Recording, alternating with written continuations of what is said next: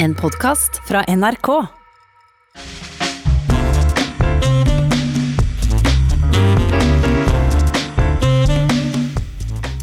Langfredag var det 50 år siden Paul McCartney slapp løs nyheter om at The Beatles var oppløst. 10. april 1970 var rett og slett en æra over.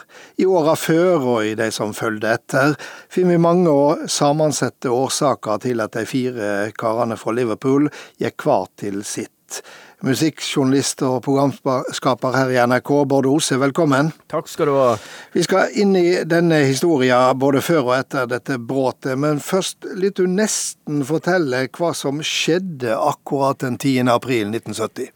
Ja, det var jo nesten som en bombe.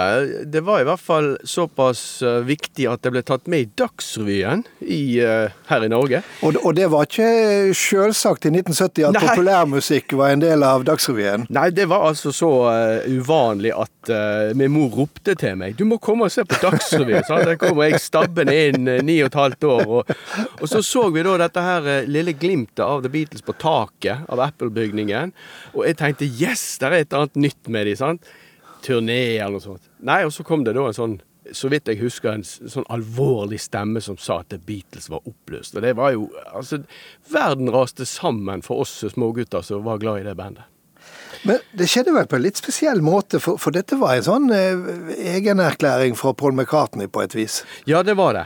Eh, det lakk jo ut til Daily Mirror kvelden før, så det, det, kom faktisk i avisen samme dag som McCartney sendte ut eh, sin første LP til pressen. Og i den pakken som pressen fikk, så var det et skriv der McCartney hadde intervjuet seg sjøl.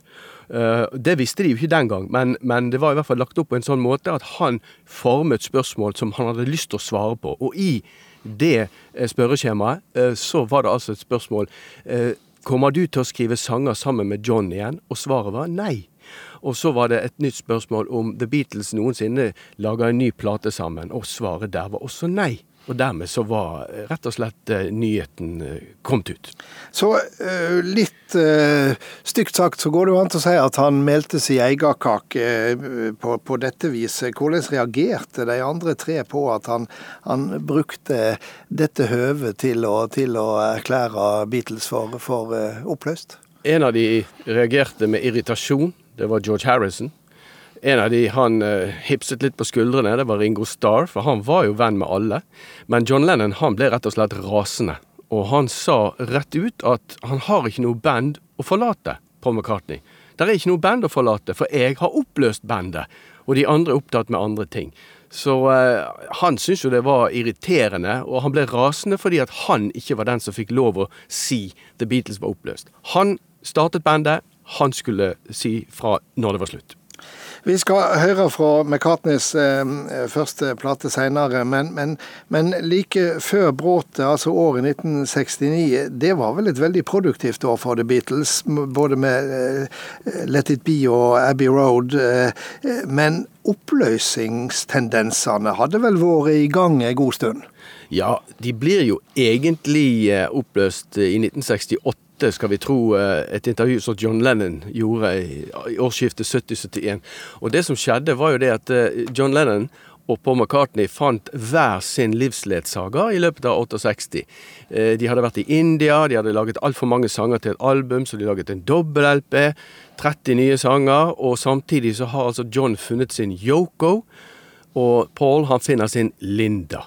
Og begge to var jo eh, egentlig eh, Altså, de, de, savnet en kvinne i livet sitt. De hadde jo eh, kone og kjæreste, men, men de hadde begge to mistet moren sin. Så, så, det er veldig viktig, akkurat det som skjer i 68, når de finner hver sin livsledsager. Ja, altså, Er det sånn som onde, onde tunger har, har, har villet ha det til, at, at da slapp liksom slangen inn i paradiset med, med spesielt Yoko Ono? Ja, vi som er glad i The Beatles, vi vi har ikke akkurat så stor uh, lidenskap for Yoko. Vi har ikke det. Uh, men det er helt naturlig, det som skjer i løpet av det året. Ja da, han uh, nærmer seg jo stygt i 30, så han måtte jo få lov til å velge sine egne ja. kvinner, og ikke fansen sine. Ja, han måtte jo det. Men du har en teori, Bård Ose, om at Paul McCartney og John Lennons forhold til kvinner, og først sine mødre, og så disse to, Joko og Linda. Det er et slags skjebnefellesskap mellom disse to? Ja. Altså, min teori går ut på det at de trengte ikke hverandre lenger, da de hadde funnet henholdsvis Joko og Linda. De mistet begge to mødrene sine da de var tenåringer. Og det var med på å styrke vennskapet mellom de to. Eh, John Lennon var 17 da han mistet sin mor, og Paul McCartney han var ikke mer enn 14. Slik at de to hadde det felles som de aldri snakket så mye om, men det ligger latent i dette vennskapet at de, de blir bundet sammen, for de har en tragedie felles. Og så oppnår de verdensherredømme omtrent, verdensberømmelse eh, har kvinner og kjærester, men så er det da at de treffer den kvinnen som kan både bli kone, elskerinne, makker og erstatte morssavnet. Så jeg syns det er helt naturlig at uh, The Beatles blir oppløst, fordi at John finner Yoko og skriver sanger til henne, 'Don't Let Me Down'. Uh, Paul han finner Linda og skriver sanger til henne, og samtidig så har du også skrevet sanger inspirert av mødrene. Paul skriver 'Let It Be', der Mother Mary er moren hans. Og John skriver uh, en slags sånn farvel til sin, sin mor, Julia. Det passer jo egentlig ganske godt eh, når verden går over fra 60- til 70-tall, at eh, sterke kvinner har ei rolle i denne historien. Helt klart. Helt klart. Og, John han kalte jo også Yoko 'Mother Superior'.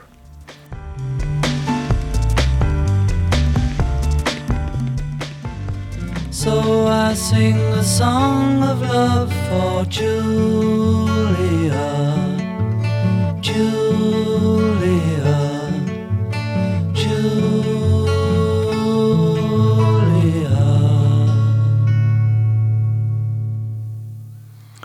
Ja, det var John Lennons vakre hyllest til mor si Julia. Der, der er en lyrisk hylling, hylles dette, Bård Ose? Ja, det er jo samtidig et farvel til henne. For han var jo sterkt knyttet til sin mor, selv om han hadde en veldig turbulent oppvekst. Så, så var det et eller annet med den kontakten han fikk med henne som tenåring, og, og gjennom musikken, og så dør hun. Så han savner henne inderlig. Men når han da treffer Yoko, så tør han å ta farvel med, med moren. Så det er det han gjør her. Uh, og han bruker sånn haiku-aktige strofer for uh, å virkelig vise at han er inspirert av denne japanske kvinnen. Og to uh, år seinere så var det altså slutt med The Beatles. og samtidig så slår det meg jo at ingen av de fire hadde da fylt 30 år. Og likevel hadde de dominert den moderne musikkverden gjennom et helt uh, tiår. Skapt uh, skole, skapt legendariske melodier.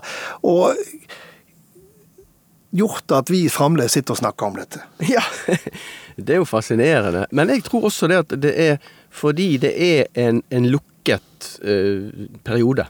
Det er 60-tallet, og så slutter det i 1970. Jeg tror det er mye derfor vi snakker om The Beatles enda, fordi de etterlot seg eh, et testament som er helt Altså, det, det, er the rock, som de sier i, i utlandet. Altså det, det, er en, en, slags lærebok i hvor langt og hvor mye du kan gjøre i løpet av bare åtte år. Som var den tiden de uh, laget plater. Og samtidig så er det jo nesten uråd å framstå på den måten de gjorde, uten at de på en eller annen måte er synkront med den tida og den stemninga de, de, eh, levde i. Eh, de kunne ikke oppstått ti år før og ikke ti år etter. Nei, det er jo helt riktig. Det, det, det er jo eh, Her må vi også ta inn hva som skjer ellers i verden. Altså, Du har jo da Storbritannia som i 1960 eh, fjerner verneplikten. Det er veldig sentralt her. For dette er unge gutter som egentlig skal avtjene verneplikten. Eh, og så slipper de. Så de kan bare fortsette å spille. De kan ta til Hamburg og, og leve det søte liv der. Og de kan erobre Amerika, der eh, gutter fremdeles blir kalt inn til militærtjeneste og sendt til Vietnam. Så, så, så de gjenskaper og, og, og, Elvis Presley måtte ja. i militærtjeneste i Tyskland. Ikke minst. Så The Beatles gjenspeiler jo da uh, hele tiåret, det sosiale livet og det kunstneriske livet. Så der også er det jo veldig interessant å spille musikken til The Beatles fra 62 til 70 i rekkefølge. Men samtidig så ville de jo ikke eksistert i bevisstheten vår i dag hvis de bare hadde vært et, et eh, tidsbilde. Nei, Det er sant. det er sant. Eh, de var jo samtidig helt enestående låtskrivere, musikere. Vi må ikke glemme hvor gode eh, musikere de fire karene var. altså. Ehm, kan du egentlig tegne et bilde av eh, hva som var The Beatles sin posisjon i, 1970? Er det, er det mulig med få ord? Eh, de var jo egentlig truet fra alle kanter, men samtidig, hver gang de ga ut noe nytt Det var en singelplate, eh, Get Back, The Ballad of John and Yoko, det var en LP, Abbey Road, eh, det var en ny LP, Let It Be. Det gikk til nummer én, og det ble liggende der lenge. Så selv om de fikk konkurranse fra nye trender, du hadde heavy metal fra den ene siden, Led Zeppelin, Deep Purple, Black Sabbath kom inn fra den ene kanten, du hadde andre grupper fra Amerika som gjorde seg tonegivende, Creedence, Clearwater Revival Revival solgte jo mer i, i Norge en periode enn en The Beatles. Eh, men likevel, de, de, var en, altså de var ledere. De var ikke alltid de som fant på ting, men det var de som tok eh, det som var tidsånden, og gjorde det eh, bedre enn noen andre. Og så kom bråtet, og det var jo ikke akkurat et harmonisk bråt der vennskapet holdt fram. Nei, der må jo dessverre pressen ta mye av skylden for at vi tror at de var bitre fiender. De var sinte på hverandre, uh, slik som mennesker kan bli sinte. Uh, ved, ved samlivsbrudd så er ikke det noe uvanlig? Nei, og her var det jo på en måte et samlivsbrudd, samtidig som Paul McCartney sa etterpå at han, han trodde han var arbeidsledig. Hmm. Han var plutselig, han hadde ikke band, han hadde ikke en jobb å gå til.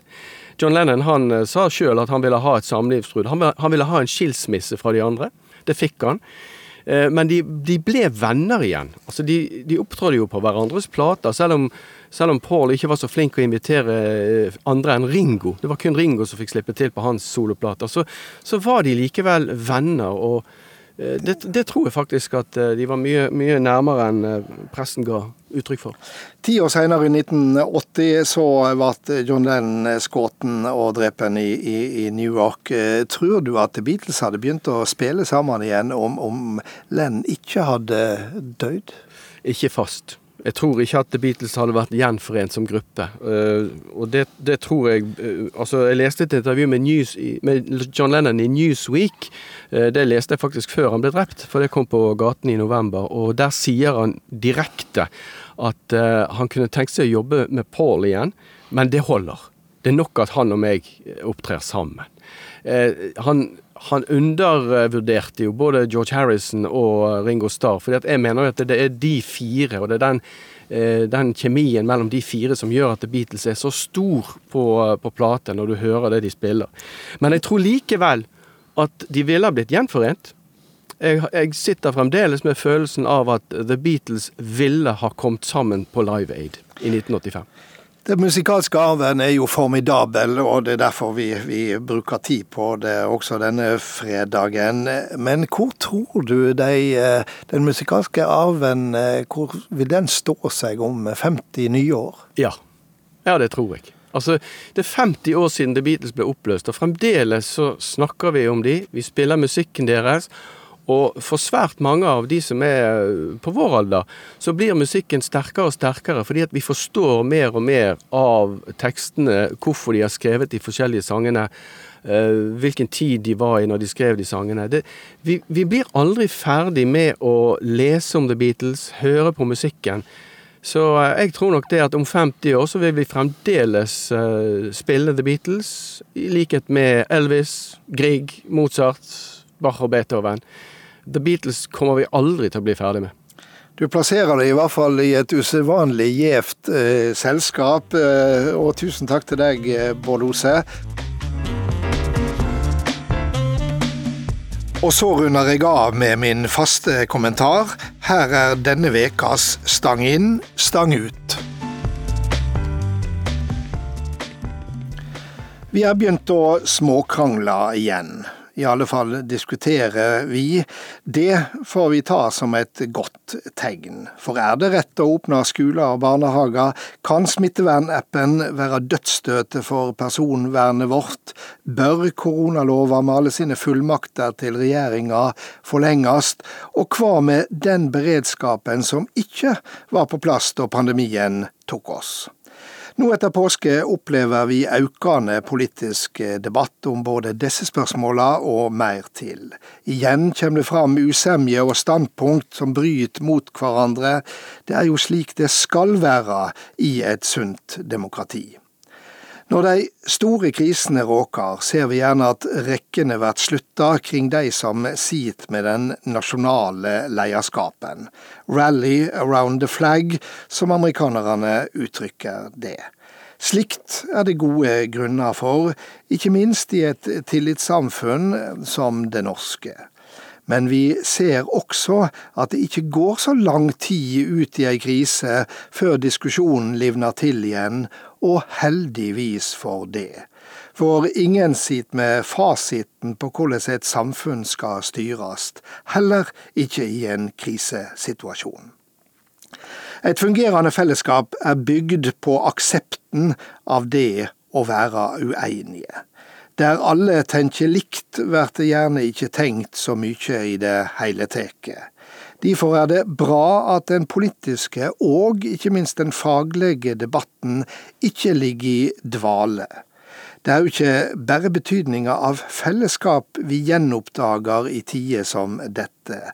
Det er også det verdifulle i det som utgjør et uenighetsfellesskap der vi godt kan være usamde, men uten å dra andres motiv for å ville det beste i tvil. Det er der vi er nå, og bra er det. God helg.